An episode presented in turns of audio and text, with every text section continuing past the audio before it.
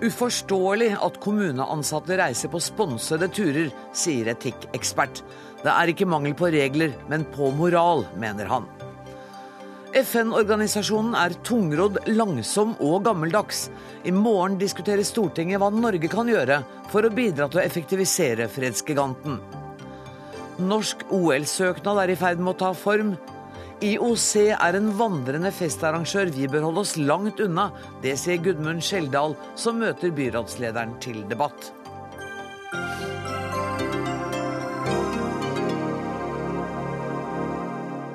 Dette står på menyen i Dagsnytt 18 i dag, der vi også spør om krim er litteraturens død eller redning. Men aller først. I går kunne vi høre at 30 helseledere fra Trøndelag er på reise i Australia, sponset av leverandører til helsesektoren.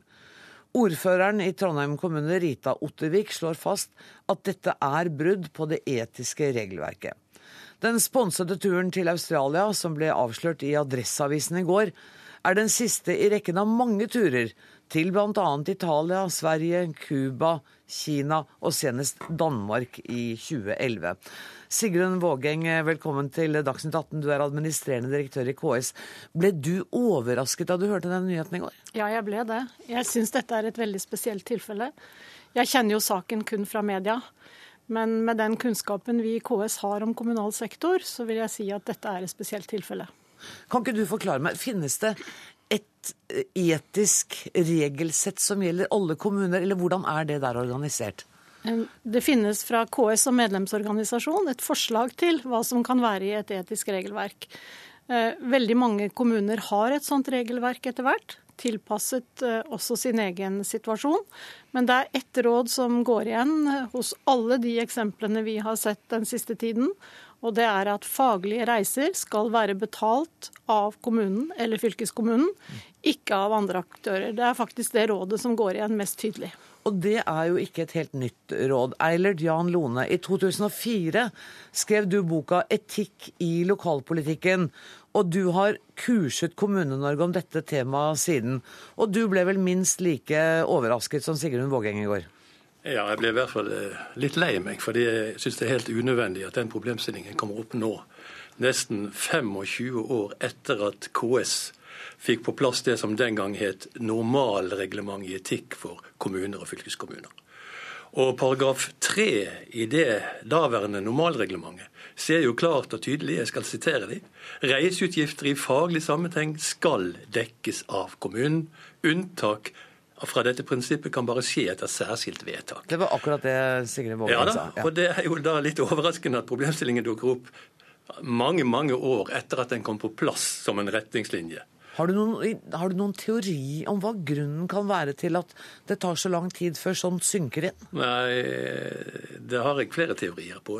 Og den mest nærliggende teorien er jo da at oppmerksomheten mot dette er veldig lav. Selv om alle sier at de jobber godt med etikkproblematikken, så er det ikke sikkert at eh, de ansatte eller lederne her som har reist på tur, har vært klar over at dette reglementet finnes. Og det forbauser meg i grunnen ikke. For jeg har holdt flere kurs for folkevalgte, og de har da henvendt seg til sin egen kommune eller til KS og eh, blitt overrasket over at nei, dette etikkreglementet har ikke man hørt om verken i kommunen eller til og med i KS i sin tid. Jeg går ut fra at det er slutt på det akkurat det siste, da, men, men det overrasker meg ikke. For man må ha oppmerksomhet mot dette hele tiden. Er det slik at vi ikke bruker sterke nok ord om dette? Er det f.eks. korrupsjon, og bør vi kalle det det? Jeg, altså, jeg, jeg, kaller den paragrafen paragraf 3 for korrupsjonsparagrafen. Mm. Og Hvis jeg tar innledningen på den, så er det opplagt at den handler om umulig korrupsjon. For Der står det at ansatte skal unngå personlige fordeler av en art som kan påvirke eller være egnet til å påvirke handlinger, saksforberedelser eller vedtak. Mm. Altså en smørreparagraf, for å si det enkelt. Og dette er en smørretur. Sigrun Vågeng, eh, det er ikke sånn nå at kommunene når de ringer til KS får beskjed om at dere ikke vet hva etikkreglementet er? Nei, Jeg er glad for at Lone sier at det var sånn i sin tid. Etikkarbeidet i KS er noe av det aller viktigste vi holder på med gjennom folkevalgtopplæringen vår, lederutvikling, kurs, konferanser. Vi er for tiden landet rundt. Og vi skal faktisk om 14 dager til Trondheim på en stor etikkonferanse som vi arrangerer sammen med Kommunal- og regionaldepartementet og Transparency International, som KS meldte seg inn i for mer enn to år siden. Og det gjorde vi fordi vi setter dette arbeidet veldig høyt. Men jeg er helt enig med Lone i at eh, det hjelper ikke med paragrafer det er jo som livet ellers. ikke sant? Vi kan utarbeide regler for alt, og vi kan vedta dem. Men syretesten på om vi lykkes, er jo om det arbeidet Det er jo om vi lever og etterlever etter det i hverdagen. Og om vi får en, en, en personlig forståelse av det. Vi skal snakke med Siv Iren Stormo Andersson, kommunalsjef i Bjugn kommune. En av de som reiste av gårde til Australia, er ansatt i kommunen din, og dere betalte 16 000 kroner for turen. Ja, det stemmer.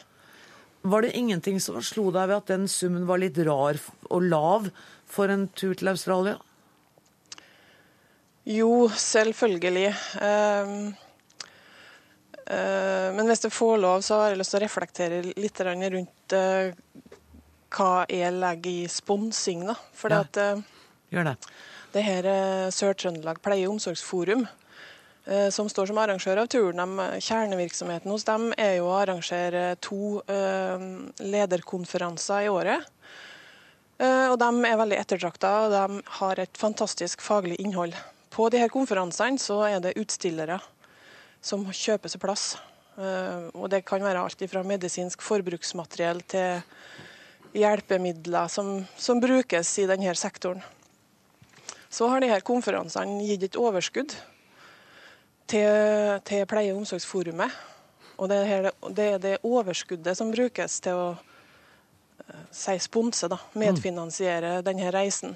Så du syns egentlig ikke dette er, på, er sånn? Nei, jo, det er jo vanskelig. Men de som er på reise, de vet jo ikke uh, uh, hvilke leverandører som har bidratt til reisen. Det er jo STPO, altså Sør-Trøndelag pleie- og omsorgsforum, som, har, som, bidrar, som de ser som bidragsyter. Med bekjent er det heller ingen leverandører med på reisen. Men når det er sagt, så, skjer, så, har, så er sånne reiser som er så lang og så langvarige, bestandig vanskelig å ta stilling til. Ehm, når henvendelsen kom til meg fra min enhetsleder, så tok vi en vurdering av det faglige innholdet i programmet, som er fantastisk spennende. Ehm, og for mitt, vårt vedkommende så er det en nytilsatt enhetsleder som ikke har jobba i Sør-Trøndelag før, og som har nytte av å få etablere et nettverk av, blant sine kollegaer. Eh, Sigrun Vågeng, er dette en gråsone i forhold til eh, reglene, syns du? Først så syns jeg det er bra at de kommunene som er berørt, tar dette opp. Eh, formannskapet og ordføreren i, i, Trondheim har jo også sagt at dette var brudd på deres etiske regelverk. Men du kan si at mye på etikkområdet, der er det jo noe er helt klart rødt. Og så er det noe som er grønt. Og det store feltet er jo ofte litt sånn på gulblink. Mm. Og det er jo her vi må egentlig bruke eh, vett og forstand eh, i hver enkelt sak og se. Og Det er derfor det etiske regelverket det må som jeg sier, ikke bare vedtas, men det må etterleves. Og hva det da betyr i praksis. Eh, jeg kjenner som sagt ikke saken eh, i detalj, men, men utad så fremstår jo dette som eh, ut fra hva jeg hører og Trondheim også sier, at dette var brudd på det etiske regelverket som de har i den kommunen. Ja, og det mener også du, Helge Garåsen, som er kommunaldirektør i Trondheim kommune. Um, hvordan ble For dere oppdaget dette uh, ved en tilfeldighet? For det første må jeg si at Trondheim kommune har et klinkende klart etisk regelverk hvor den type sponsing er ulovlig i forhold til regelverket vårt.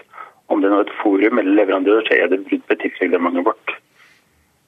Og eh, våre enheter har fått regelverket levert i hånden tidligere, slik at det ikke er ukjent for noen av dem. Det som nok slår meg, og det som jeg hører på diskusjonen her, det er at det ikke alltid dette regelverket er nok fremme i pannedasken, slik at man reflekterer over sin egen rolle på dette regelverket.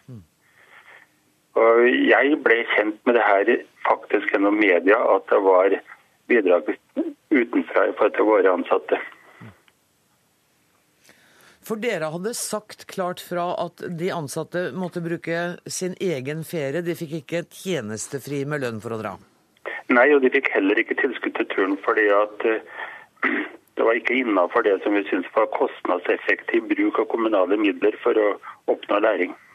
Men syns du at situasjonen er mer nyansert når Bjugn kommune betalte 16 000 kroner for å, altså bidro for å sende en ansatt til Australia på noe som Bjugn mener var en faglig nyttig tur? Setter det det litt annet lys?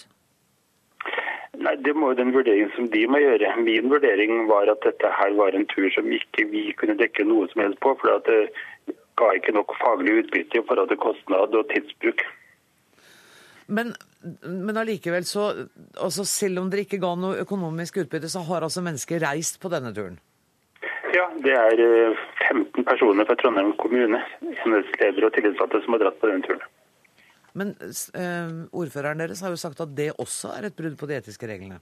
Det er et brudd på etiske regler i og med at man må ta tilskudd fra et forum utenfor kommunen. Eh, hvis man skal dra på en sånn tur, så skal kommunen bidra med midler selv, eller skal den enkelte dekke kostnaden sjøl. Hva slags konsekvenser får dette?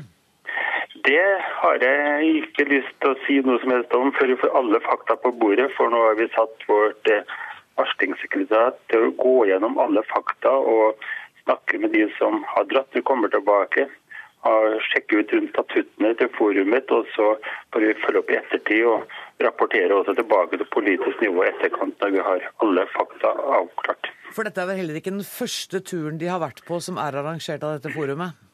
Nei, det er det dessverre ikke. Det har vært ganske mange turer gjennom årene. Og tidligere har også kommunen bidratt med å dekke reiseutgifter? Det har tidligere vært praktisert. Dessverre. Eh, det er jo på en måte bra at sånne ting kommer opp, da, Vågeng, for da får man rydda opp i dette her. Ja, Skulle man si det var én god side ved det, så er det oppmerksomheten rundt det.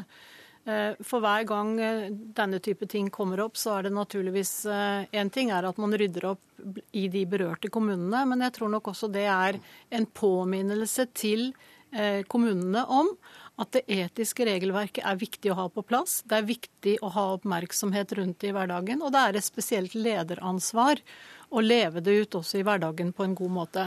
Men, men det blir jo litt problematisk når eh, disse etiske reglene eh, tolkes så forskjellig fra kommune til kommune. I Bjugn så det at dette hadde eh, et bra faglig innhold, og de ville bidra til at folk kom dit. Ja, Der tror jeg bare man må si at her må hver enkelt kommune se hva de mener. Men jeg tror vi alle sammen i kommunal sektor vi må være veldig klar over at vi har søkelys på hvordan det offentlige penger, altså pengene våre brukes. Mm. Vi sitter og forvalter store pengemengder. Vi leverer tjenester 24 timer, syv dager i uken. Det handler ikke om at ikke vi skal få lov til å ha faglige fora. Det skal vi ha. Og det er stort utbytte av nettverk. Det kommer vi til å fortsette å ha. Men jeg tror vi skal være veldig klar på at skal noen på faglige reiser, så må det dekkes av kommunen, være godkjent av kommunen, fylkeskommunen. Ellers så det ikke, har det ingenting med jobben å gjøre. Eilert Jan Låne, syns du alle kommuner burde ha et etisk regelverk? Ja, det syns jeg de burde ha. Og det hadde de i den forstand at det var noe som het normalreglement i etikk for kommuner og fylkeskommuner, utarbeidet av KS prisverdig i 1990. Nettopp med den problemstillingen som vi diskuterer i dag. Som én av mange problemstillinger. Og Derfor så er det ja, litt forstemmende, for å si det pent, at problemstillingen dukker opp i om. Men Lone, jeg tror vi kan være enige om at det er veldig bra at vi har regelverk, og alle må ha den type regelverk. Men du kan si at det ligger litt si, noen ganger i sakens natur. Med en gang man har innført noen regler, av og til så snubler man. Men det betyr ikke at ikke man skal fortsette arbeidet.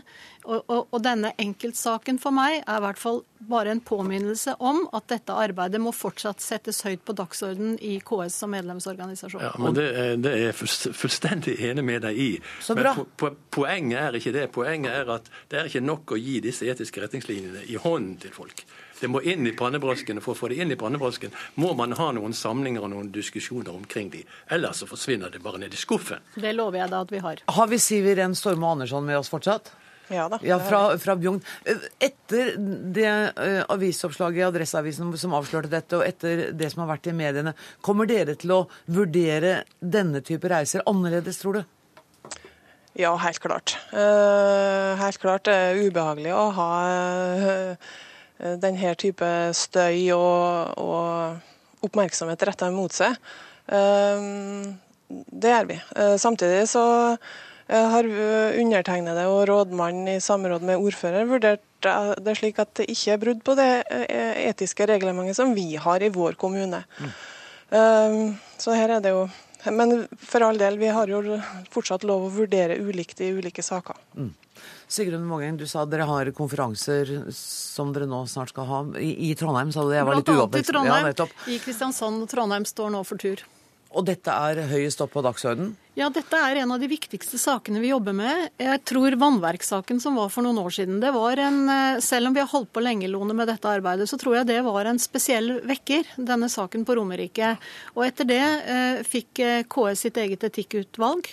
Eh, vi har en egen etikkportal vi har utarbeidet sammen med Kommunal- og regionaldepartementet. Og det er jo egentlig fordi vi ser at vi må være til å stole på. Det må ikke være noe tvil om at det vi driver med er troverdig. Og Derfor er etiske retningslinjer viktig. Å leve dem i hverdagen, få dem under pannebrasken, som Lone også sier. Jeg er helt enig i det. Der får du siste ord. Dessverre er jeg nødt til å sette strek, men jeg må si hjertelig takk til Eilert Jan Lone, Siv Renstorm og Andersson, Helge Garåsen og Sigrun Vågeng. Hør Dagsnytt 18 når du vil, på nettradio eller som podkast. nrk.no – dagsnytt 18.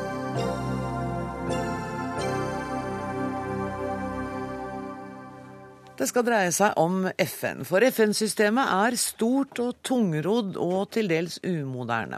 Og hva kan Norge gjøre, og hvilke krav bør vi som nasjon stille til en organisasjon som har verdensfred som oppgave? I morgen skal Stortinget diskutere innstillingen fra forsvars- og utenrikskomiteen om Norge og FN. Og Ine Eriksen Søreide, du sitter i komiteen for Høyre, og er, Norge er jo blant dem som betaler mest til FN. Bør vi slutte med det? Nei, det bør vi ikke. Eh, FN er viktig for Norge av mange årsaker. Det ene er at FN har en rolle som normgiver og normutvikler. Og utviklingen av havretten er kanskje det beste eksempelet på noe som har betydd voldsomt mye for Norges velstand og utvikling. Og så er FN også en utviklingsaktør som leverer utviklingstjenester på bakken, så å si. Og der er også Norge en viktig giver og aktør, og vi bidrar da til å hjelpe mennesker i fattige land. Både gjennom FN-systemet og gjennom andre systemer. Men så slites jo også FN med en hel rekke utfordringer som truer både legitimiteten og effektiviteten. Reform av Sikkerhetsrådet er ett tema som vi kanskje kommer tilbake til seinere. Mm. Eh, men generelt også det at eh, det er så mange interessekonflikter også blant eh, FNs medlemsland at det er kanskje mer sant enn noensinne at man er ikke sterkere enn det svakeste ledd. Altså FN er ikke mer enn det medlemslandene gjør det til. Mm. Statsråd eh, Heikki Holmås, eh, dette er jeg sikker på at du kan være helt enig i. Og for å ta eh, jeg leste den innstillingen, og det går an å peke på et av de problemene som helt åpenbart eksisterer. Det er jo også at underorganisasjoner eh, til FN, altså Utviklingsprogrammet, Matvareprogrammet, eh, UNICEF At enkelte steder så klarer ikke de heller å koordinere seg, og de konkurrerer. Og for det vertslandet som har dem, så blir situasjonen helt håpløs. Hva kan gjøres med det? Det, det, du sier er jo helt riktig. og fra, Nor fra, Norges side så er jo grunnen til at vi fra regjeringen har lagt frem den meldingen for Stortinget, er jo fordi vi mener at FN er utrolig viktig. Det er viktig både for verdensfreden, sånn som du sier, for det er FN som er de eneste som kan bestemme at her skal man kunne gå inn i et land med våpen i hånd og håndheve fred og, og sikkerhet, eller, eller på andre måter gripe inn. Men det er også har FN en veldig viktig rolle som utvikler og det å sørge for å bekjempe fattigdom i verden. Og det med effektivitet, det er noe vi fra norsk side har, eh, har jobbet hardt for å sørge for å få bedre. I 2008 så fikk Stoltenberg, Jens Stoltenberg var, var med å få frem forslag for FN-systemet eh, som skulle sørge for at land jobbet mer effektivt opp mot FN-organisasjonen, og FN-organisasjonene jobbet mer opp, effektivt opp mot land. Det vi kaller ett FN, eller Deliver us one, som det heter i, i, i FN-språket. Det er altså sånn at det skulle først være åtte prøveland. Nå er det blitt utvidet til å være over 30 land. Det er en suksess, for FN-organisasjonene jobber mer effektivt effektivt overfor land, sånn at administrasjonskostnadene i FN går ned. Det er bare to måter å sørge for et mer effektivt FN på. Det ene er gjennom hardt arbeid i styrene i FN, og der er Norge med, aktivt med i, i mange av styrene. Og det andre er gjennom å, å være tydelig på hvor vi bruker pengene. Og Der har vi fra regjeringens side omprioritert fra de minst effektive FN-organisasjonene til de mest effektive FN-organisasjonene, og på den måten sendt et tydelig signal. Og det blir lagt merke til i FN-systemet. Mm. Men, men, lista over ting som må forbedres, eh, som komiteen lister opp i denne innstillingen, er jo ganske lang. Og eh, nå var eh, Ine Eriksen Søreide inne på dette med Sikkerhetsrådet. Og der har det altså vært snakk om å forandre Sikkerhetsrådet og rekonstruere det i hvert fall i 25 år, og det har ikke skjedd en ting. Nei, det er helt riktig, og, og det er noe Eh, det er jo ikke noe rart. Det er jo sånn i, i, eh, alle typer organisasjoner at de som sitter med makten, har ikke lyst å gi fra seg makt. Og Sånn er det jo når eh, de som sitter med vetoretten i FNs sikkerhetsråd, det er de fem landene som var vinnere etter andre verdenskrig, og som var de som var atomvåpenmakter. Men Går det an å akseptere at det skal fortsette å være sånn? Nei, og derfor så jobber jo vi på og støtter opp under alle prosesser som kan bidra til at andre fremvoksende land som Brasil, som India, som ja, altså andre land som representerer sine verdensdeler, afrikanske land, kan få en sterkere representasjon. Men det som er problemet, er jo selvfølgelig i denne sammenhengen at uh, dette blir ikke avgjort av Norge. Nei. Dette kommer til å bli avgjort av de store landene som i dag sitter på makten. For den dagen FN ikke lenger representerer det som er politikken til de største landene i verden, da vil FN også miste sin relevans. Og det, det ønsker ikke vi fra norsk side. En av de store utfordringene i dag er jo at FN er i ferd med å miste både relevans og legitimitet til en del framvoksende og mer uformelle fora, som f.eks. G77, vi har G20, noen snakker om G4. Eh, og utfordringen er jo at på enkelte områder så er jo de en konkurrent til FN, f.eks. når det gjelder å levere utviklingstjenester. Da kan også enkeltland være en konkurrent som Kina, som ruller ut et voldsomt apparat, særlig i Afrika. Men når det gjelder å være normgiver eh, og normsetter, så er jo Norge avhengig av å ha et system der det er felles kjøreregler for små og store land, sånn at ikke store land kan, kan overkjøre. Men og hvordan denne, skal vi påvirke det, da? Vi er jo vi er en stor giver og et bitte lite land. Det er vi. Og det, det, som er viktig å huske på, er jo at vi har muligheter til å påvirke. Vi kan f.eks. gå i tettere samarbeid med våre nordiske naboer, også med våre europeiske naboer gjennom EU. Vi er jo ofte de første til å skrive under på forslag som EU leverer opererer inn i FN. Og det er en sterk allianse som vi bør gjøre, det bør vi gjøre mer av. Eh, og på andre områder eh, så er det viktig at vi også har en klar og tydelig stemme, gjerne sammen med andre, men også eh, alene. og Det gjelder særlig menneskerettighetsarbeid i FN, der jeg mener at Norge kan ha en mye klarere og tydeligere stemme, ta initiativ og også mene ting som har politiske kostnader for Norge. Ikke alltid bare være de som henger seg på når andre land går foran. Og, og der mener jeg Norge har mye å hente. Og også når det gjelder gjelder menneskerettighetsarbeidet, én viktig ting, det er at menneskerettigheter er én av tre pilarer i FN-systemet. Men det får altså bare 3% av inntektene, eller det som genereres i FN-systemet.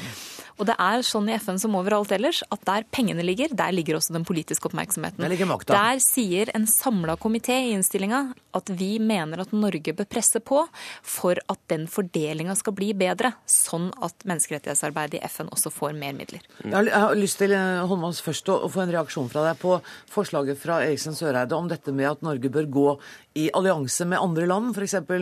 Norden og gjerne EU, for å fremme, for å få mer makt bak krava, som det het i gamle dager? Det gjør vi jo. Vi gjør det både i styrearbeidet vårt i, i de organisasjonene vi sitter, fordi vi er styrerepresentert stort sett i alle de organisasjonene der vi sitter og gir mye penger. Eh, og grunnen til at det er viktig, er jo fordi at eh, en del, er, en del, av styringen er jo styringen på de pengene vi sjøl gir, men det er jo først når du kan styre alle pengene i en organisasjon, altså skal få de rettet inn mot de tingene som vi er opptatt av strategisk, at du kan flytte på mye. Mm, men der samarbeider vi, ja, men kan ikke vi bare si det, at der samarbeider vi jo bl.a. med en rekke andre giverland i Mopan-samarbeidet, som er Storbritannia, Tyskland, Frankrike, USA og en rekke andre som vi er enig med. Men jeg vil si en ting til Ine Marie eh, Eriksen Søreide, og det er at det er først når vi klarer å knekke de gamle alliansene mellom utviklingsland og industrialiserte land på den andre siden, at vi klarer å få til endringer i politikken. På Derfor så inngår jo Norge typiske allianser på likestillingsfronten i kamp for likestilling og kvinners rettigheter, der Norge er veldig tøffe og har en sterk stjerne. Samarbeid med folk fra latinamerikanske kontinentet, folk fra det asiatiske kontinentet, fra det afrikanske. Fordi at er det noe eh, mange utviklingsland er sår på, eller er var på, så er det hvis det blir liksom sånn de hvite landene i Norden som skal tvinge gjennom sine verdier. Nei, det er når vi klarer å bryte ned de alliansene at vi viser seg at vi får gjennomslag. Eriksen Søreide, du må få Det blir et langt svar, men du skal få svare kort. Ja.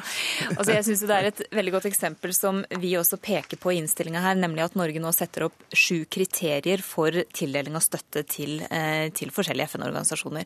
Vi er veldig for at det skal finnes kriterier. Men risikoen ved en alenegang, eller at man bare er et par land som går sammen om kriteriene, er jo at FN-organisasjonene risikerer å møte potensielt sett da 10-15 kriterier fra 193 land. Og det blir helt umulig å følge opp. Og Derfor så er samarbeidet så viktig. Mm. Og jeg gleder meg til å høre debatten i Stortinget i morgen. Dere må fortsette debatten der. Tusen takk for at dere kom til Dagsnytt 18, statsråd Heikki Holmås og Ine Marie Eriksen Søreide fra Høyre.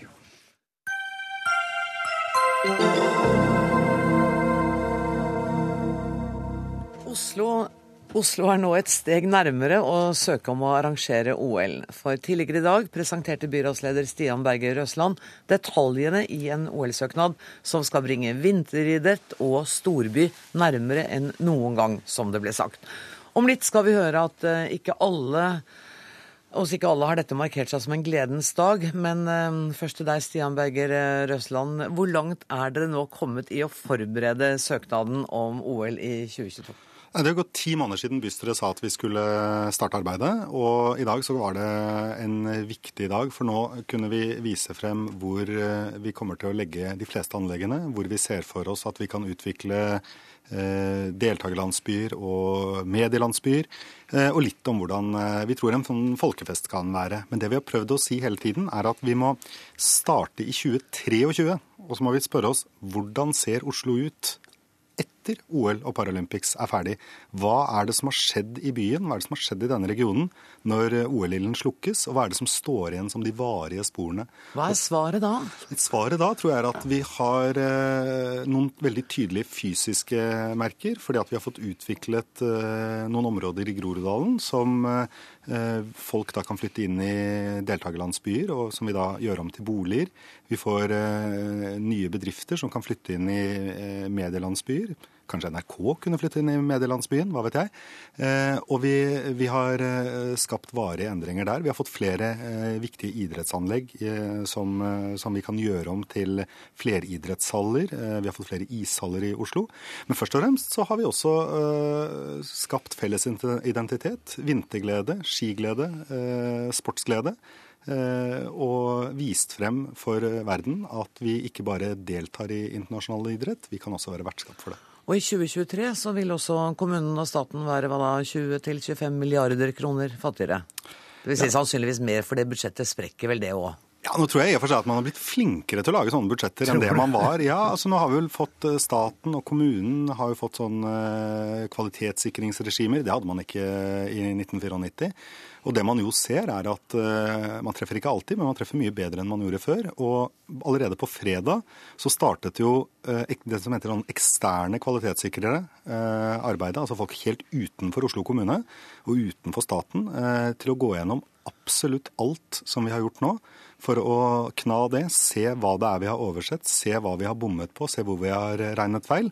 Vi tror ikke det er så mange steder, men det kommer vi til å få vite i løpet av mars hvordan dette ses på.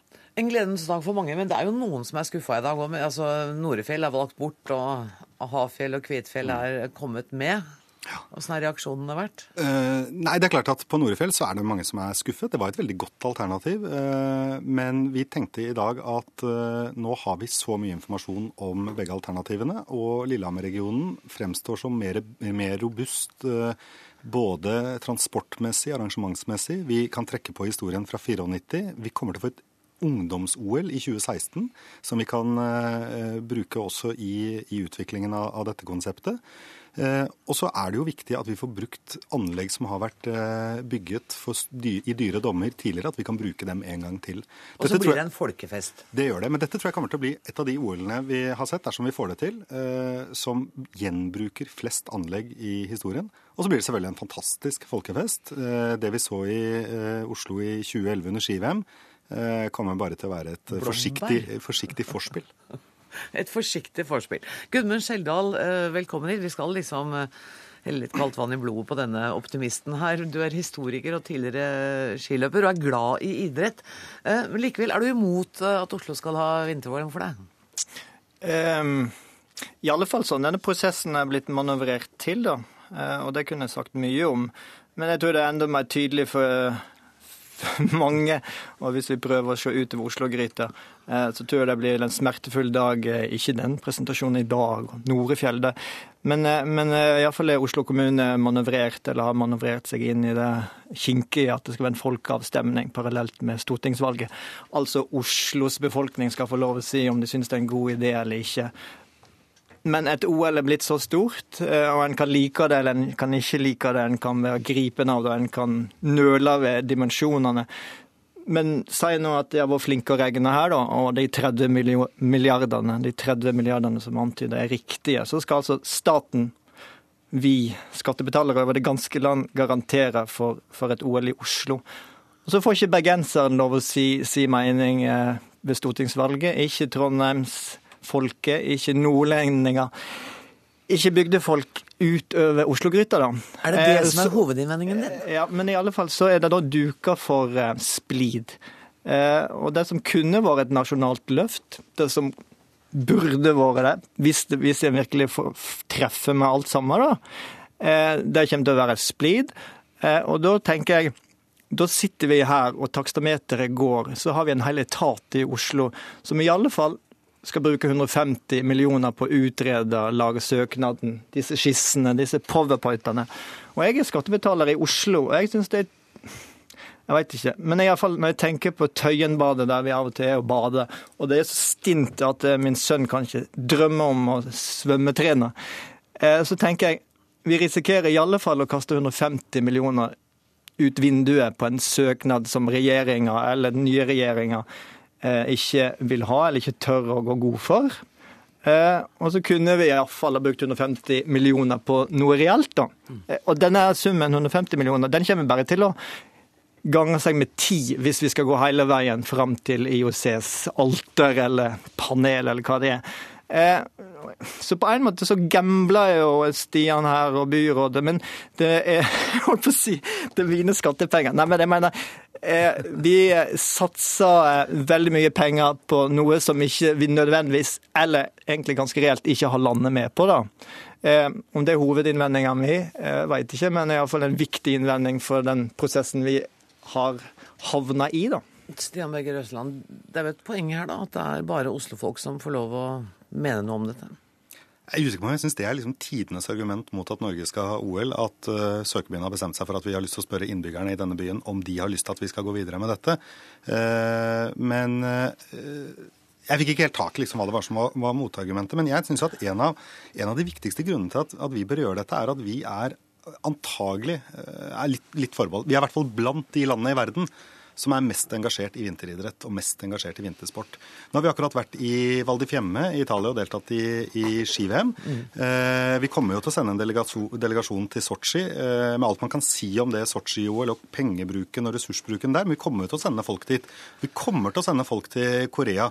Eh, og spørsmålet vi noen ganger må stille oss, er om skal en nasjon som vår, som er så opptatt av vintersport, så opptatt av vinterglede, bare dra på alle andres arrangementer? Eh, skal vi være sånn som bare drar hjem til andre og aldri inviterer noen hjem selv. Eh, og jeg tenker jo at i vårt land, som er så glad i å eh, delta i vinteridrett, som er så glad i å, å, å, delta når de fremste idrettsutøverne våre vinner frem, så må vi av og til Jeg mener ikke hvert år, jeg mener ikke hvert fjerde år, kanskje ikke hvert tiende engang, men av og, av og til så må vi også kunne invitere verden til, til oss. Og hvis vi skal gjøre det, så er spørsmålet er Oslo et godt sted å gjøre det. Og det mener du at det er. Gunnar Skjeldal, er du bare litt lite gjestfri?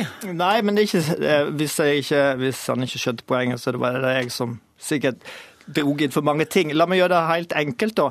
Hvis staten skal garantere for minst 30 millioner, i realiteten bruker 20 ikke millioner, 20 milliarder. Så er det sånn at dette spørsmålet hører ikke hjemme i bystyret. Det hører ikke hjemme i folkeavstemning, rådgiverne eller hva som helst i Oslo. Spørsmålet hører hjemme i Stortinget.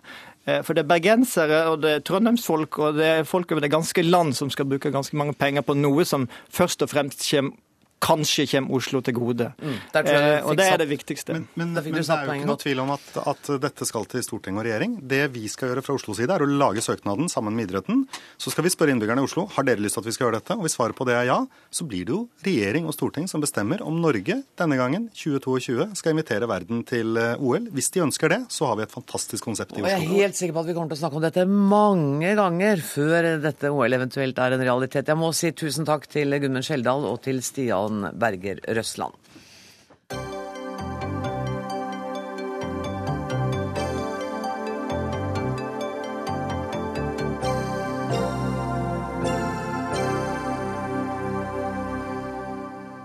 Etter lengre tids kamp mot kreftsykdommen døde Venezuelas president Hugo Chávez i går kveld norsk tid. Han etterlater seg et land i sorg og en region i politisk vakuum.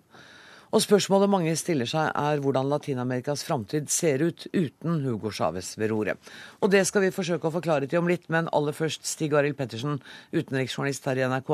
Vi har sett bilder i dag som vitner om stor landesorg i Caracas. Hvordan er stemningen nå i Venezuelas hovedstad? Nei, altså Venezuela har jo våknet opp i dag til sin første morgen eh, på 14 år uten Hugo Chávez som president. Og De siste par timene så har da titusentalls eller hundretusentalls mennesker fulgt um, kisten til Hugo Chávez gjennom sentrum av hovedstaden Caracas. Um, og fram til endestasjonen, som da var militærakademi i byen. Og Der startet jo han faktisk sin karriere selv som ung kadett, og der skal han altså nå ligge eh, på Lider Parad fram til begravelsen på fredag. Og Det vi ser i gatene er eh, en sjokkartet sorg, men også en merkelig form for feiring. En, en feiring av hva Chávez har, eh, har, stått for, hvem han har vært og hva han har betydd. Eh, mye positive rop eh, som at han vil leve for alltid, han vil alltid være i våre hjerter osv. Den har vært sterkt følelsesladet, men har det vært noe tilløp til voldsbruk i løpet av dagen som du har fått meldinger om? Vi har sett litt i går kveld og, og, og noe eh, i løpet av dagen i dag, men ikke de store voldsutbruddene. Småsituasjoner, eh, noen angrep på journalister osv., og, så videre, og noen, eh, noen som støtter opposisjonen. Men, eh, men eh, politi, militære har vært eh, på vakt. Det har vært mye politi i gatene, så, så de helt store konfliktene har vi ikke sett. Vet vi nå noe om hvem som skal etterfølge han, eller hvordan blir prosedyren framover nå? Han er jo president, man ble jo aldri tatt til ed, så vidt jeg husker, fordi han var sjuk. Visepresidenten Maduro, tenker du på? Mm. Altså, som sagt, begravelsen er på fredag, og så snart den er ferdig, så nå må, må nok venezuelanerne begynne å se framover. Eh, innen 30 dager så må det holdes nyvalg, og da er det nettopp eh, Maduro, eh, den tidligere Bush-sjåføren og fagforeningslederen, eh, som stiller mot eh, opposisjonslederen, den 40 år gamle karismatiske overklassemannen eh, Enrique Capriles Radonski. Og han gjorde jo en veldig imponerende innsats mot Chávez i valget som fant sted i oktober. Han fikk over 44% av stemmene der. Og spørsmålet er nå, selv om da Maduro utvilsomt er favoritt å vinne, eh, om Capriles kan gjøre det enda sterkere mot eh, denne mannen da, som inntil nylig måtte leve i skyggen, den enorme skyggen av, eh, av Hugo Chávez. Takk skal du ha, Stig Arild Pettersen, utenriksjournalist her i NRK. Benedicte Bull, førsteamanuensis ved Senter for utvikling og miljø ved Universitetet i Oslo. Vi må snakke litt om denne karismatiske, kontroversielle, høyt elskede og, høyt, og dypt hatede mannen. Hvem var han? Ja, Han var jo da en, eh, en, offiser som eh, først gjorde seg bemerket ved kuppforsøk i, i 1992, og så kom til makten eh, i 1998. og har utviklet en, en, form, en stor politisk bevegelse, eller chavismo, med en særegen slags, slags, ideologi, som er en blanding av mye forskjellig rart. Utgangspunktet inspirert av Den tredje vei og Tony Blair, og så gikk det ja, mer radikalt til verks. Og eh, har, blir nok mest husket for sine mange sosiale programmer. Eh, helse, utdanning, eh, bygging av hus hus for de fattigste, eh, deltakerprogrammer, eh, men også eh, ekspropriering av bedrifter og en økonomi som etter hvert også har sett ganske store problemer. Og så blir han husket for sitt USA-hat. Ja, selvfølgelig. Altså, han blir husket for sin antiimperialisme og sin ganske friske ordbruk, som han nok er helt eh, Altså, Den antiimperialistiske diskursen er jo noe som er ganske forankret i hele Latin-Amerika, men hans ordbruk er han nok helt alene om. Han satt i 14 år. Ville han egentlig hatt vært diktator? Altså, han har jo ikke noen tegn på demokratisk ideologi i landet sitt. Det er jeg ikke helt enig i. Det, altså, det, er mange ting man kan si om uh, styresettet i, uh, i, Venezuela, og mange begrensninger på det man vil oppfatte som et liberalt demokrati. Mm. Men uh, det er også andre an, Han innførte også andre typer demokratisk deltakelse på grasrotnivå, som veldig mange mennesker opplevde som den eneste form for demokrati de noen gang hadde sett i Venezuela. Så bildet er ikke helt så svart-hvitt, men helt klart at det skjedde en maktkonsentrasjon under Chávez som eh, vi ikke finner å være i tråd med et eh, liberalt demokrati, i hvert fall. Hadde han, Hentet han støtten utelukkende fra den fattige arbeiderklassen, eller var det mer nyansert, det også? Ja, Det var nok også mer nyansert. og Man snakker om at han hadde en sånn 30% kjernevelgere, som nok var i første rekke eh, de fattige, som hadde fått fordeler av, av, den politikken, og også for første gang på en måte ble sett i politikken. Mange hadde fått identitetspapirer for første gang under Chávez. De var en del av, de var statsborgere i Venezuela for første gang, og det er veldig sterkt for mange av disse, her, av disse menneskene. Men så også en, en litt større flytende velgergruppe som stemte på Chávez eh, av og til, og også kunne stemme på opposisjonen. Så ikke helt så svart-hvitt det heller. Nei, nettopp. Hvordan er situasjonen for Venezuela? Nå hørte vi at det, er, det blir valg, og det blir to kandidater, en fagforeningsleder og, og den uh, visepresidenten. Hvordan ser situasjonen ut? Er det noen i løypa som har den samme utstrålingen og evnen til å begeistre som Ogo Chávez hadde? Nei, det tror jeg ikke. Men jeg tror ikke at chavismen nødvendigvis er død for det. Jeg tenker at peronismen i Argentina lever videre 40 år etter at Juan Perón døde, og er fremdeles en politisk kraft og en, fremdeles en polariserende kraft. Og det tror jeg på mange måter chavismen kommer til å være i Venezuela. Og jeg tror, altså, Hva som kommer til å skje i Venezuela nå, avhenger alt av hvordan valget blir organisert, hvem som vinner valget. Hvis da Maduro, som nå er favoritt, eh, vinner valget, så blir det nok mye kontinuitet. Men man kan også kanskje se nye utviklinger av chavismen, kanskje nye splittelser, og kanskje også en mer institusjonalisering. Det kan man jo håpe på, at den overlever uten den enorme eh, betydningen av én lederfigur. Tusen takk for at du kom til Dagsnytt 18, Benedicte Bull, førsteamanuensis ved Senter for utvikling og miljø i Universitetet i Oslo.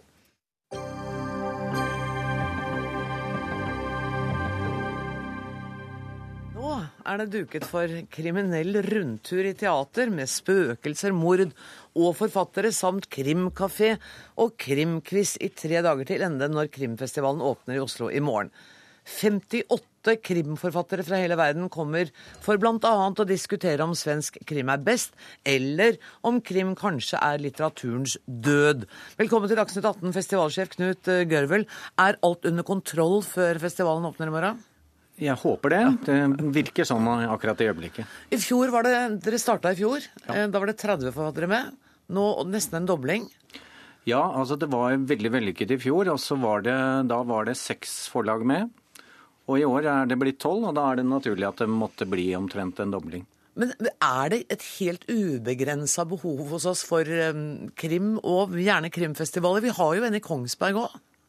Eh, det er nok ikke et ubegrenset behov, men eh, det er klart det, det er et stykke til Kongsberg. Og Kongsbergfestivalen er veldig inspirerende, den. Men den er jo litt mindre, og den eh, foregår jo i Kongsberg om høsten. Og det vi tenkte var at det var lurt å gjøre noe på våren, for det skjer jo stort sett bokting om bokhøsten. Og da var det kult å gjøre noe rett før påskekrimmen bryter løs. Du, I Norge kommer det ut utrolig, altså forholdsvis utrolig mye eh, krim. Hva er forskjellen på en god og en dårlig krim? Eh, det skal vi nok eh, forsøke å debattere under festivalen, men Tør du ikke å si det, for at Tom Egeland sitter ved siden av deg nå? Jo, han skriver jo gode krim, for å si det sånn. Nei, altså, Krimforfatteren Chris Tvedt har sagt noe som er fornuftig. Altså, han har kalt det krimforfatternes hellige gral, at forfatterne må finne det. Og hvis du ser f.eks. Stig Larsson, så hadde han eh, laget et utrolig fint plott. Men det kanskje mest geniale han gjorde, var å skape figuren Lisbeth Salander, som er en sånn voksen Pippi-figur. Mm. Og det må alle krimforfattere som skal være ordentlig gode, de må prøve å finne det ene spesielle som gjør deres roman til noe unikt. Og det er en utfordring. Jeg skjønner jo at du leser mye krim for det er en del av jobben din, men, men, ville du velge å lese krim sånn bare for å lese for deg? Ja, det ville jeg. Jeg begynte jo med Agatha Christie og Maclean og Bagley da jeg var ung. Og så har jeg da studert litteratur, og da studerte jeg bl.a. Sandemose, som skriver om mord og kjærlighet. Så jeg har også sansen for litteratur som går eh, Gjerne har med mord, sånn som Dostojevskij eller Sandemose, men gjerne også går utover den vanlige krimsjangeren. Ja, jeg så et intervju med deg i Aftenposten at du sa at du syntes Agatha Christie var helt underkjent. Ja, fordi det hun er veldig god på, som eh, en del av de norske også sliter litt med, er å lage de geniale plottene. Tom Egeland, du er da ifølge Knut Gørvel ikke av dem som sliter med å lage de geniale plottene. Velkommen hit, du også. Du, du var på festivalen i fjor. Mm. Og så i år er du liksom eh, en av hovedforfatterne? Eller en av flere, da. Ja, det er jo 56 forfattere, hvis jeg husker rett, så jeg er jo en av dem, da. Hva skal vi oppleve sammen med deg?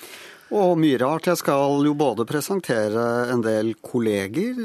Jeg skal bli muligens stilt til veggs, det får vi se hvordan går. Og ikke minst gleder jeg meg til lørdag kveld, hvor vi skal ha et arrangement som heter Mord i teatret, hvor eh, vi får være litt skuespillere også. Og, og, på scenen, liksom? Eller hvordan skal dette Ja, altså da tar, eh, tar vi hele teatret i bruk. Også scenen, men også eh, altså bak i kulissene, oppover i etasjene, på loftet og over hele Sentralteatret. Du, må man gjøre sånt for å trekke lesere til kriminallitteratur? Jeg trodde at det var nok å annonsere at det var påske. ja, ja, ikke sant. Nei, nei man, må jo, man, må jo, ingen verdens ting, egentlig. Altså, dette her er jo mest uh, for moro skyld. Altså, og ikke minst så er det for, for oss forfattere, da, som har en vanligvis rimelig ensom jobb, så er det jo veldig hyggelig å treffe leserne våre. Og de kommer jo på denne festivalen. Men, uh, men altså, som jippo betraktet, så er det jo mest for moro skyld å treffe kolleger og ja, jeg skulle til å si, Du sa at det er litt ensom jobb, og da kan du treffe leseren. Jeg tippa at du da ville sagt treffe kolleger, og at det ville være ganske gøy. Diskuterer dere teknikker og sånt når dere møtes? Ikke så mye på et sånn teknisk nivå, men det er klart vi diskuterer jo litteratur, og vi diskuterer hva vi har lest, og hvilke bøker vi setter pris på det siste året. Men eh, jeg tror nok vi som, som kollegium har veldig ulike arbeidsmetoder, og vil kanskje nødig dele dem med konkurrentene våre. Men leser dere hverandre, da? Å ja. Men problemet er jo, som, som, som gjelder all litteratur, at altså, mine bunker av uleste bøker øh, vokser jo til uante høyder. Men eh, jeg gjør så godt jeg kan med å følge med trenger ikke være forfatter for å ha bunke med uleste bøker. altså. Det er du enig i, Gørvel? Altså, bunken med uleste bøker og dårlig samvittighet, det bare vokser. Ja, men det er jo bare å begynne på bunken da, komme seg nedover. Men eh, bare for å si det om mord i teatret. så ja. det Sentralteatret er jo Oslos eldste teater, og på loftet der, hvor det også publikum og forfatteren skal være, der fins det ifølge sikre kilder ekte spøkelser. Det har jeg hørt. Og jeg har hørt at, det, at hvis man går opp der, så det er å få litt uh... Altså, Vi vet jo ikke hva publikum vil oppleve, men det sies at de, det var en, en, skuespillerinne som gikk på fjorden etter en dramatisk eh, kjærlighetshistorie og tok livet av seg. og hun kommer tilbake om natten og elsker heftig med den skuespilleren hun var eh, glad i den gang. Og dette har du selvfølgelig fra helt solide kilder. Dette er fra sikre kilder på teatret. Eh, Hvordan er eh, Hva er liksom ideen? Er- Snakker dere temaer, eller skal alle forfatterne presentere hver sin bok, eller hvordan gjør dere dette her? Det som var mest vellykket i fjor, altså som vi skal ha mye av i år, det er at forfatterne er i paneldiskusjoner rundt temaer. Altså f.eks. Hvor langt fra virkeligheten er disse romanene, og hvorfor leser vi nordmenn så mye krim? og eh, gjelder, er det sånn at krimlitteraturen på en måte har en rensende effekt for folk? Det er Og sjela, tenker du? ja, det er, det er jo et underlig fenomen at vi koser oss i påskehytter overalt med grufulle drap og ekle ja, mordere og beskrivelsene av mord, ikke minst. Har du, Tom, tenkt på hvorfor vi er så forferdelig glad i, i krim her i landet? Og det er jo ikke bare her i landet, dette her er jo også et internasjonalt fenomen. Men altså, jeg tror en av grunnene er jo at krimbøker handler om noe. Altså, de er spennende i seg selv. Eh, Det fins mye flott litteratur som, som, som lever i språket, men som ikke handler om så veldig mye. Og de er kanskje mer for spesielt interesserte, der hvor krimbøker er noe alle kan lese og kose seg med. Jeg må bare ønske dere lykke til, og så håper jeg at møtet med spøkelsene på Centralteatret blir av det vennlige slaget, og at dere begge to overlever denne festivalen. Tusen takk for at dere kom, Knut Gørvel og Tom Egeland.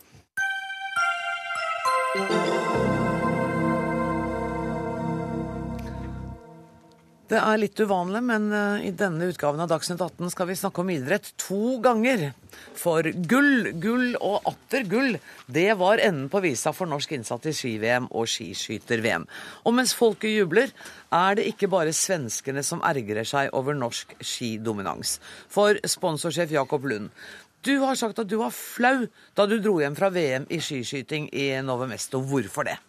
Jeg syns åtte av elleve gull eh, tar litt bro- brodden av idretten. Det, det blir for stort norsk dominans. Jeg klarer ikke å glede meg nå liksom, vi er aleine om å feire noe. Men vi kan jo ikke skyte dårlig bare for at du ikke skal være flau. Nei, jeg er enig i det. Vi må gjøre noe med idretten som gjør at den blir interessant for flere folk. Og det er det jeg har påpekt. At eh, vi må få arrangementene ut av Oslo og eh, ja, eh, nå, nå er skiskyting faktisk en av de idrettene som virkelig trekker publikum. Altså Det var 140 000 i Oberhof, det var 120 000 i Rudpolding osv., og, og det full, var full pakke her i Kollen i helga. Derimot langrenn er 5000-6000 nordmenn på VM på langrenn hver dag i Val di Fiemme. Og 99% av, av publikummet. Og jeg fikk en mail, en Twitter her fra en kompis. Har jeg vært der nede, og da sto det at uh, selv personen eh, person i pølsebua snakka norsk. De som sendte, de som sendte solgte merchandisingprodukter, var norsk. Og sjøl følte han han var i Norge sjøl òg, for han så bare fjell og ski. Og norske flagg. Men er det, er det så ille så- Ålreit, så er det litt smale idrettsgrener vi gjør det kjempebra i. Men vi er jo nemlig ikke alene om det heller, da. Vi er jo Ja, nesten. Tysk TV eh, Tysk TV tror jeg ikke så, sendte så mye langrenn i det hele tatt under VM nå. De var noe hopp og alpint. Det er stort. Det er stort. Men langrenn er vi veldig alene. Skiskyting er vi heldigvis flere publikum. Men man skal være forsiktig når man, når man hauser opp en idrett både blant publikum og i pressen og i media nesten til, til det pubertale, og fortelle om hvor fantastiske vi er, uten å ha noen utbredelse utover Oslo 3 og uh, Stockholm. Og det er det du syns er litt beklemmende, at vi blir litt høye på Ja, vi blir litt uh, too much. Tom Askanke, idrettshistoriker. eh, Hva tenker du om det Lund sier? Bare tull. altså, vi er et lite land. Eh, Hvis vi tar vekk oljen, så vi er, vi er et rikt lite land. Så det er veldig få områder vi kan hevde oss på. Alle land har sine spesielle idretter. Du har, eh, du har i Pakistan Pakistan, India, så har de jo eh, Hva heter det dette de slår, Nå står det helt stille på meg. Det er altså, Cricket, tenker du på? cricket, Ja, cricket, Og, og de har rugby. Det bryr ikke vi oss om. Vi har nordiske grener. Det er derfor det heter nordiske grener. Det er Norge, Sverige og Finland. Finland er litt nede nå. Hvis du går til Sverige og spør hvem er den mest populære svensken i hele landet, han heter Johan Olsson. Den største prestasjonen i VM. Jeg mener at små land, vi må få digge oss sjæl og prøve å bli best på vår egen idrett. Og så for, for, sur, for han derre surmagede sponsorsjefen der være sur. Jeg digger det. Jeg syns langrenn er en fantastisk idrett. Jeg syns skiskyting er enda, enda mer. Men vi må ikke gjøre det større idrett enn det det er. Det er marginalisert her oppe, her oppe i nord. Jo, men hvis Og vi bør gjøre noe for å få det utbredt. Det er jo ikke publikum. Det er det tross alt i skiskyting, men det er ikke publikum å ser på verdenscupen rundt omkring i, i Europa. Vi må gjøre noe med idretten eventuelt. Jo, men det blir jo også et FIS-ansvar, altså Det internasjonale skiforbundet. Marit Bjørgen og Therese Johaug og Petter Nor- Northug skal jo ikke gå langsomt for at utlendinger skal få medaljer. Nei, er det blir jo helt tull. Ja, Men, men, kanskje, men det er jo som Lund sier, kanskje man må gjøre noe med idretten? da, Sånn at flere blir interessert, at flere gidder å sitte og se på, eller gå i løypene og se på. Skis- Skiskytterne har vært glimrende, men de har den der fenomenale spenningen med, med skyting. Men at vi tok åtte av elleve gull nå, var, det var eksepsjonelt. Normalt vinner vi fire. Vi ligger på seks til åtte medaljer. To til fire. Men, ja, rundt der. Men hvis vi tar nordiske grener, da, ikke glem hopp. Vi vant to medaljer av tolv i hopp. Én av tolv i kombinert. Det er også en del av det. Det er, det er liksom langrennsjentene våre, disse praktfulle jentene, som ødelegger, idre, ødelegger gåsehøyne idretten internasjonalt, for de er så gode. Men, men eh, Nå skal ikke jeg prøve å overtolke Jakob Lund, men, men noe av det er vel at vi blir litt høye og mørke og litt eh, for selvsikre og kanskje litt usympatiske i vår ustyrtelige tilfredshet med egen innsats. Ja, i 14 dager så må et lite land få digge seg sjæl. Om 14 dager begynner fotballsesongen, og da taper vi igjen. Vi må prøve å være best. Da får jeg muligheten til å være best. Lønn. Man bør utvikle idretten på en måte. Jeg, jeg tror løsningen på en måte faktisk rett og slett er å begynne å gå tilbake til intervallstart i VM. Altså Det som er kjedelig, det er å sitte og se en femmil. Ja. Eh, fellesstart. De går i klynge i to timer og ti minutter. Og så får du et brudd, og så kan du ligge og hvile der i den tiden der. Og så kan du ha, hvis du er veldig god spurte, som enkelt er, så kan du dunke til på slutten de siste ti minuttene. Så har du gjort hele greia. Men intervallstart, sånn som før, så måtte man gå og kjempe mot seg sjøl, mot klokka, og en evig kamp. Og du satt og så på om han passerte foran eller bak. Da får du noe av spenningen tilbake i langrenn. Det er jeg for så vidt enig i, for jeg er gammel, jeg òg. Men øh, det, Du Nei, du er nesten gammel. Eh, men, det, men det fenger ikke. Altså, FIS har eh, Vegard Ulven de, de må ha fellesstarter pga. TV. Men det er intervallstarten, hvor du starter et halvt minutt hver, som vi gjorde nå på 15 km. Petter Northug. Det er langrenn for meg, og Og skamringer. Men, men tilbake til utgangspunktet. Det er ikke noe Sverige går av hengslene når de gjør det bra. Vi må få gå av hengslene når det er bra. Og så 14 dager etterpå så er vi jo nede på jorda igjen. Vi blir ikke arrogante drittsekker av dette. Ja, gjør vi ikke det? Nei. Mandag morgen var det så kjedelig at lunsj med fem siviløkonomkollegaer av meg, de var så var, var ingenting. Det var ikke ski på mandag. De syntes det var en forferdelig nedtur. Etter en måned med VM, både skiskyting, Ja, ja, skøyter og langrenn. Ja, de syntes det var så moro. Og vi gjorde det bra. Men, og du har jo også sagt at vi skal gi blaffen i hva andre tenker. Ja. Vi gir av blaffen i hva folk mener om cricket i Pakistan og India. Hvorfor skal vi bry oss om hva de mener om langrenn? Jeg vet at folk har prøvd å intervjue journalister i uh, Spiegel eller en eller annen tysk svær avis. eh, der de skulle finne og intervjue journalister tyske som hadde som område dekka langrenn. De fant ikke én. I, og det samme skrev eh, Sport og Gazzetta. Det var ikke et ord om, eh, om, om langrenn. Og italienske medier har også sagt at hvis dette dominansen i Norge fortsetter, så, så, så tar idretten slutt. Og det er det jeg frykter. Jeg er kjempeglad i langrenn. jeg. Vil ikke langrenn noe vondt, jeg. Men, jeg vil ikke at han skal dø ut på rot. I Tyskland har hatt veldig gode hoppere. Er, hopp er en snakker kjempesport. om hopp, alpint og kombinert. Nei, nei, altså, de, de, Østerrike og alle disse har alpint. Eh, Tyskland har hopp. Skiskyting er jo veldig mange av disse kontinentale landene. Men hvorfor kan ikke Norden da få være dominerende i langrenn? Ja, men Hvis det er et poeng som Lund sier at ingen interesserer seg for langrenn, og da kan sporten dø, det ville jo vært Nei, men ille. Dette går i bølger. Nå er vi på, nå er vi på toppen. Vi var nede, vi. Bjørgen var jo Ja, vi har vært oppe hadde- her siden 94, har vi ikke det? Mer eller Nei, mindre? nei, nei, Bjørgen de bommet på de sju og ni VM og var helt nede. Bjørgen gråt og reiste seg igjen. Og dette går i bølger. Nå er vi oppe på en topp. Herrelangrenn, vær klar over at i langrenn så vant det fire individuelle øvelsene. Én person fra fire forskjellige land vant herrelangrenn. Det er jo ikke, Du kan ikke fordele det bedre enn det. Men det er Marit og Therese. Men for guds skyld, de er jo så praktfulle. Men, men hvis Lund har rett i at utlendingene syns at dette er en marginalisert idrett som de ikke gidder å bry seg om, da er det jo en fare. Ja, men det er ikke noe, Vi kan ikke få verden til å bli interessert i folk som flyr på planker gjennom skauen. Det må vi få lov å ha sjøl. Og så glede oss om 14 Vi har 14 dager annethvert år. Det syns jeg vi skal få lov å ha.